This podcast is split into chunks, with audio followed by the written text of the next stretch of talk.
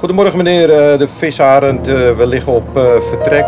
Bijna de laatste trossen aan boord genomen. Heeft u toevallig nog een waterstand voor mij meneer? De verkeersstraal, eh, huidige waterstand bij Den Helder is plus 32 centimeter NAP.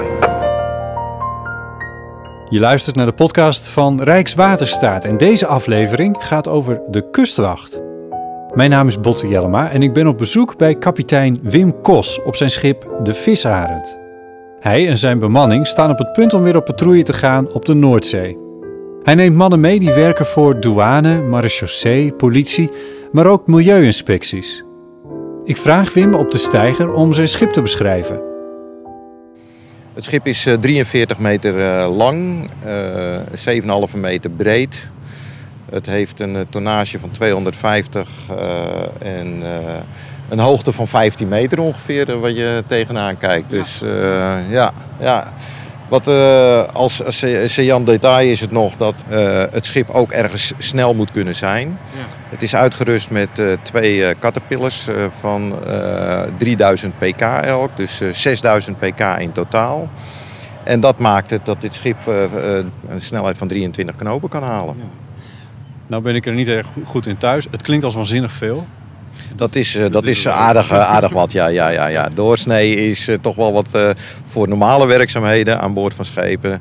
Dat je ergens uitkomt. Kijk, een kotter bijvoorbeeld, die is uitgerust met... Een ganalenkotter is uitgerust met eh, 300 pk. Een wat grotere kotter, die zijn tot, tot 2000 pk uitgerust. Ja, en wij, wij zijn er met 6000 uitgerust. Dus dat kan wel eventjes het verschil maken, denk ik. De Porsche van de zee. We behalen geen snelheidsovertredingen. Laat ik het daarom houden. Achter op de Visarend staat ook een kleinere boot. We hebben een eh, snelle rib hebben wij aan, eh, aan dek staan. Die, Wat is dat? Een eh, snelle rib is een, eh, een go-fast eh, met een eh, groot vermogen daarin. Die eh, wel nou, 45 knopen kan hij wel halen inderdaad. Ja, Kunnen we even naar die rib lopen? Want ik ben toch Ja. wel heel benieuwd. we Is zullen eh, even de steiger oplopen en dan eh, richting de, de rib gaan. Denk zo meteen even bij de overstap van de steiger naar, de, naar het schip. Dat er je zit een een beetje gat. stap maakt. Ja, dat, dat, eh, het is niet heel groot, maar ik attendeer mensen er altijd graag op. Ja, precies. Je wil er niet tussen, niet tussen liggen in ieder geval. Dit is dus een heel belangrijk onderdeel van, eh, van dit schip. Ja, we staan nu bij onze rib inderdaad, eh, die door middel van een, een kraan over, overboord wordt gezet. Eh, En als ik dat heel oneerbiedig als landrot zeg dat dat een rubber, eh, zo'n zo'n zo'n rubberboot is. Ja, dan, dan, dan, worden Doe we daar. tekort. Ja, dan Ja. doe je hem wel tekort Ja, inderdaad. Deze boot die is eh, uitgerust met een, hoog, met een hoog vermogen. Wacht En- even, ik denk dat het de schepen zijn die we zien, die Rijkswaterstaat op afstuurt op het moment dat bijvoorbeeld iets als Greenpeace een boortoren bezet. Dan zien we ze in beeld, hè? Klopt, ja, inderdaad. Dan zijn die jongens te plaatsen en daar wordt de rib voor ingezet om personeel van de handhavende diensten eh, over te zetten naar, eh, nou ja, naar de melding, meldingsplaats Ja. waar ze naartoe gedirigeerd zijn. Als we hier dit trappetje opgaan, dat is hoe je erbij komt. Ik weet niet of, dat, Ja. of we dat even kunnen doen. omhoog. Op de achterdek treden we een stalen, steile trap. En dat is de toegang tot... De Rijksrederij 842, dat is de benaming van, dit, eh, van deze boot. Ja. En ehm, ja, we zullen eventjes aan boord stappen. Wat heeft, de- wat heeft dit, deze, de, de RR842, wat heeft hij allemaal al gezien? Wat heeft hij al meegemaakt? Ehm, nou ja, deze boot die wordt ingezet voor verschillende doeleinden natuurlijk. Eh, controles aan boord van visserschepen. Ehm, hij brengt eh, mensen over van, eh, van de visarend naar het eh, te controleren object. Ja, ja, ja, ja. Maar zijn er mensen gered met dit, met dit, met dit schip? Ook, eh, nou ja goed, we zijn op een melding af geweest van een katamaran die omgeslagen was. En daarbij twee mensen te water lagen die gered moesten worden.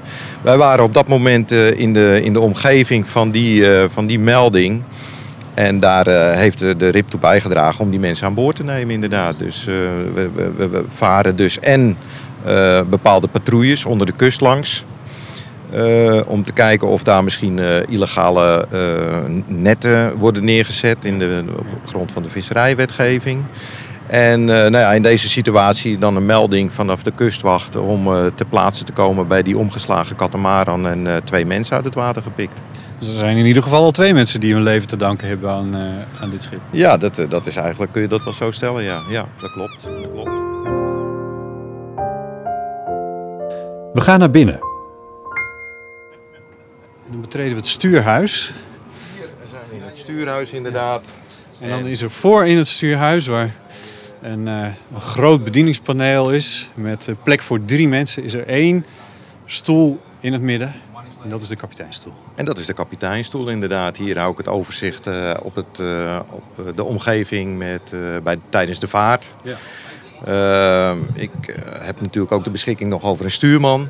Ja. in de, en die hier ook regelmatig te vinden is. We doen natuurlijk tijdens, de, tijdens de vaart moet ik ook een keer eten.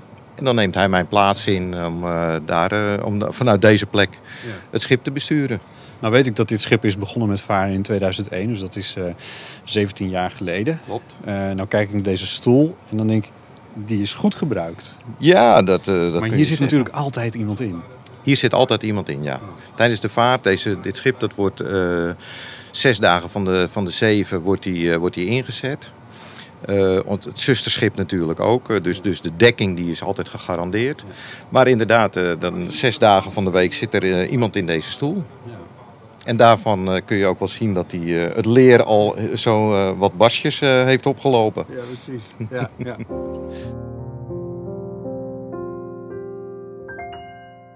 Ehm, hoe, hoe ben je in deze stoel terechtgekomen? Ehm, nou, dat is al wel weer wat eh, jaren geleden dat ik eh, eh, eh, voor deze functie opteerde. Maar goed, ik ben eerst nog eh eh, kokmatroos geweest aan boord van een eh, ander vaartuig. eh, de Cor Boersma toen de tijd. Eh, ik, heb daar, eh, ik ben daar eh, aan boord gekomen in, in die functie van kokmatroos. En heb eh, gaandeweg de jaren eh, mezelf opgewerkt naar, eh, naar deze eh, functie, kaptein. Hoe, hoe- hoeveel kapiteinsgatjes zijn er die, die beginnen als kok? Ma- eh, Matroos? Matroos, ja. Ik denk niet heel veel.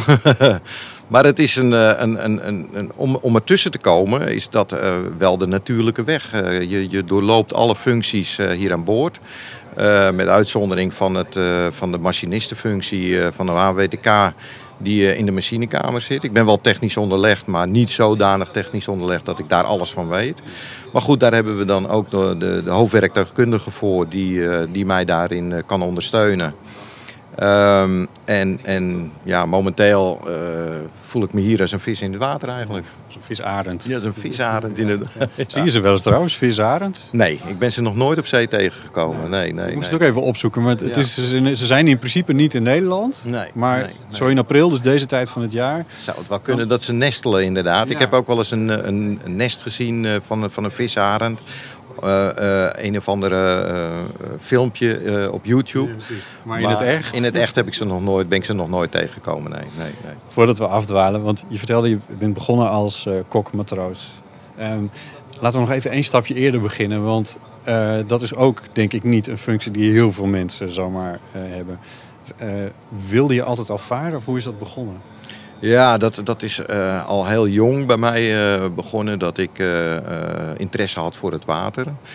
Ik schafte mijn eerste boot aan op eh 16-jarige leeftijd en deed al heel snel een andere boot kopen. En ik kocht mijn boot eh, die voor de zee in, eh, dan moet ik even goed nadenken, dat was in begin 80 zo'n beetje. Dat ik zei van nou, ik wil nu eigenlijk wel op zee varen. Van- waar gebeurde dit allemaal? Van dat waar? gebeurde vanuit de Muiden. Oh ja. Ik had een, eh, een, eh, een plezierjacht had ik liggen in eh, de haven van de Muiden. En daarmee eh viste ik nog wel eens op de Noordzee. En dan zag je al die grote schepen gaan. En dan was er wel de wens van, nou dat wil ik eigenlijk ook wel. Ja? En eh, nou ja, daarmee is dat wel, wel geboren. Dat ik dacht van ja, dat... dat eh, en toen kwam er een functie, functie vrij als kokmatroos. En daar ben ik op, eh, op ingestapt. En Bij welke organisatie was dat? dat was bij, eh, dat ik toen nog eh, werkte voor het ministerie van Financiën. ja. En daar was ik eh, douaneambtenaar. In combinatie met eh, nou ja, een nautische functie dan eh, toen ik aan boord kwam. Ja. Kokmatroos en douaneambtenaar. Het is een curieuze. Ja, het is wel heel apart, maar dat, dat was wel in die tijd dat we dus een dubbelfunctie eh, hadden. En, en nou ja, dat was op zich was dat ook niet eh, heel vreemd natuurlijk, want je deed gewoon alle werkzaamheden. En daarmee was je ook multifunctioneel op dat gebied. Ik kan me ook voorstellen dat je op die manier ook heel snel met anderen... Dat je, ik bedoel, je, ja, je, je staat heel dicht bij, een, bij de baas van een schip, bij een kapitein. Het kan bijna niet anders, omdat een schip natuurlijk maar zo groot is. Ja, dat is het. Dat, dat, je bent eh, hier op deze, op deze oppervlakte, hè, wat ik je net al schetste, 43 meter. Ja, en, en dan met zoveel personen aan boord. Ja, dan wordt dit eigenlijk je tweede familie en eh, je tweede thuis. eh, daar kun je wel van spreken. Je weet ontzettend veel van je collega's. Haast nog meer als dat ik van mijn eigen vrouw weet op dit moment. Dus dat, dat, dat zegt toch wel wat. Is dat niet een probleem? Nee, is niet een probleem. Ik eh, kan dat prima eh, scheiden. Op het moment dat we, dat we dan weer thuis zijn, dan, eh, dan verdiep ik me daar wel weer in. Maar op dit moment is het wel waar ik om deze familie hier aan boord eh, nou ja, mijn wil inleven. En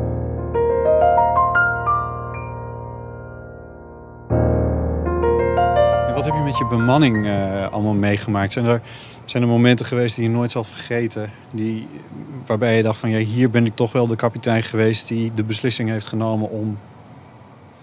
Ja, dat zijn eh, dat, eh, zaken waarvan je denkt, nou, dat, dat, dat, nu moet het schip of de, de, de rip wel terugkomen.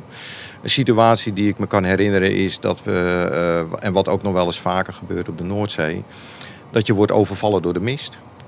En op het moment dat je dan eh, de rib eh, hebt varen eh, bij een object, dan moet je er wel heel dicht op blijven om hem in de, in de gaten te kunnen houden. Want ja, dan ben je aangewezen op je, op je radarscherm. En een rib op het, op het radar is niet altijd het, een, een hele dikke echo. Dus dat zijn wel momenten dat ik zei van, nou ja, nu is het toch wel tijd om, om terug te komen. Anders dan, dan verliezen we jullie. Dus, en dan is het ook zaak dat daar eh, gehoor aan wordt gegeven. Eh, wat is er anders bij Mist op Zee? Ja, mist op zee, dat kan wel eens heel hardnekkig zijn. Dus dat, echt een, eh, dat een, een mistbank kun je ervan spreken. Dat op het moment dat je erin vaart, dat je denkt van... eh, nou ja, het is echt laaghangende bewolking en je ziet dus echt helemaal niks meer. Je kunt het lucht, mist en water, die gaan in elkaar over. Dus het is één grijs vlak. Zo moet je het voorstellen. Dus dan ben je echt afhankelijk van die beeldschermen die hier. Ja, je bent echt afhankelijk van die beeldschermen. Dat, eh, dat, voor de rest heb je eh, helemaal niks. Dat je, en het geluid. Dus eh, wat je nog wel kunt doen. Als het, als het echt. eh, eh, nee, dat je een mannetje buiten zet met een portofoon eh, op het voordek. Om te zeggen of ze wat horen. Hè, als je bijvoorbeeld een, een, een klein object neemt. eh, wat ik net al zei. Een, een rib die daar zou varen eventueel. Ja, die, die- zou makkelijk onder je schip terecht kunnen komen. Dus je zou ook eh, dan in zo'n situatie iemand aan dek kunnen zetten. En eh, laten weten dat je er bent, één. En eh, twee is dat hij hoort of er ergens iets van geluid, motorgeluid in je omgeving is. En dan sluit je dat, dat soort onveilige situaties ook alweer uit. Niet alleen het weer zorgt voor minder leuke situaties op de Noordzee. Wim Kos en zijn bemanning maken echt van alles mee. Eh, bijvoorbeeld wat we in de laatste situatie was een, een, een, de kok eh, ja, een melding, een, mededeling had gekregen om eh, van boord te gaan. Eh, omdat zijn termijn erop zat van, eh, van zeven maanden, moet je voorstellen, dat was een kok die zeven maanden aan boord zat. En toen te horen kreeg dat hij eigenlijk de volgende dag niet van boord af kon. Maar eh, door moest varen naar, eh, naar eh, Engeland. En die, ja, die, die flipte helemaal. Die, het personeel, de bemanningsleden, de overige bemanningsleden met een mes bedreigde. En daardoor eigenlijk ja, de hulp in, de, kapitein de hulp in riep van, van de kustwacht om daar zeg maar aan boord te komen. Om die situatie onder controle te krijgen met die persoon. Dit is een heftig incident wat je vertelt. Wat zijn nog meer dingen die, eh, ja, die je toch wel bijblijven? Nou, wat wel blij blijft. Zijn ook een hele ludieke eh, acties van mensen die eh, zomaar spontaan eh, eh, eh, naar de Middellandse Zee willen varen in een eh, rubberboot met een buitenboordmotor en een, eh, en een autowegenkaart eh, voor hun neus. Dat is iets wat, eh, wat, eh, wat mij is overkomen, ook ter hoogte van Scheveningen. Die man die stapte in een, uh, in een hele kleine rubberboot met een buitenboordmotor en die zou naar de Middellandse Zee om, uh, om daar uh, richting Kroatië te kunnen, kunnen varen. Dus die, die had ja, geen vertegenwoordiging van geest om te kunnen bedenken van wat er zich op de Noordzee allemaal afspeelt. Het was prachtig mooi weer. een gladde zee en hij had het idee van, nou ja, dat, daar tuffen we eventjes naartoe. Ja. Dus uh, toen zijn we ook uh, met deze man in, uh, in gesprek gegaan om hem toch dit, dit woeste plan uit, zijn, uit zijn hoofd te praten.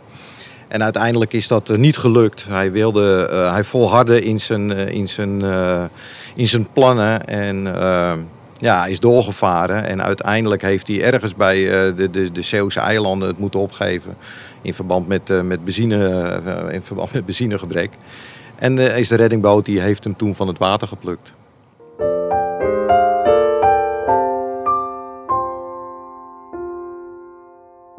Nou lees ik ook wel af en toe berichten in de krant waar jullie een rol bij spelen volgens mij. Bijvoorbeeld als er een grote drugsvangst is. Heb je, heb je dat recent nog meegemaakt? Uh, ja, ik heb dat een aantal keren meegemaakt uh, hier aan boord. Uh, dat we een, eh, een zeiljacht met name ehm, naar binnen hebben begeleid.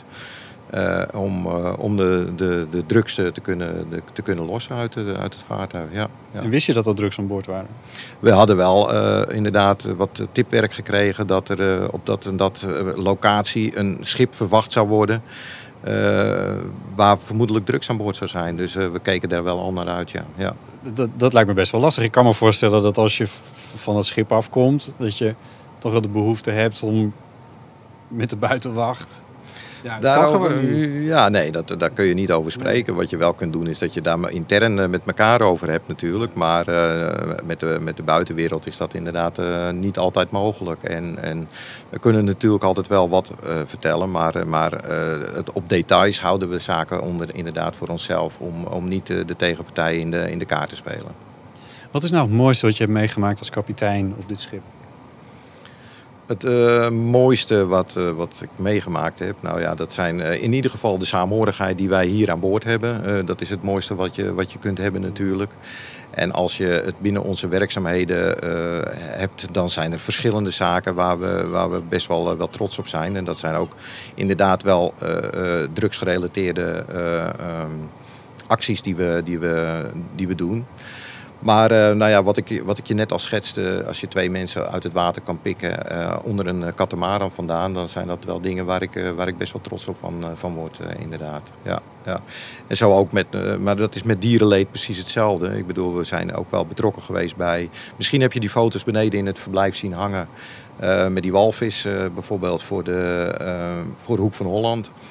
Op een gegeven moment werd het eh, scheepvaartverkeer werd daar stilgelegd omdat er een, eh, een potvis daar in de buurt uh, actief was.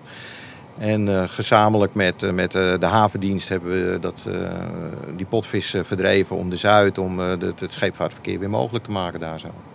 En het dier te redden. En het dier uiteindelijk te redden, zodat hij niet op de bulpsteven van een een of andere grote bulkcarrier terechtkomt natuurlijk. Ja, inderdaad. Ja, ja. ja. ja. Nu nog een visarend uh, spotten, dan is het compleet. Dan zou het uh, het hele verhaal uh, compleet maken. Ja, dat zou nog wel een wens zijn.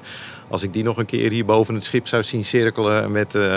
ja, zo'n zo, dat is een prachtige vogel natuurlijk. visarend, absoluut. Ja, ja. Dankjewel voor je verhaal. Je hoorde een aflevering uit de podcastserie over het werk van Rijkswaterstaat. Bedankt voor het luisteren.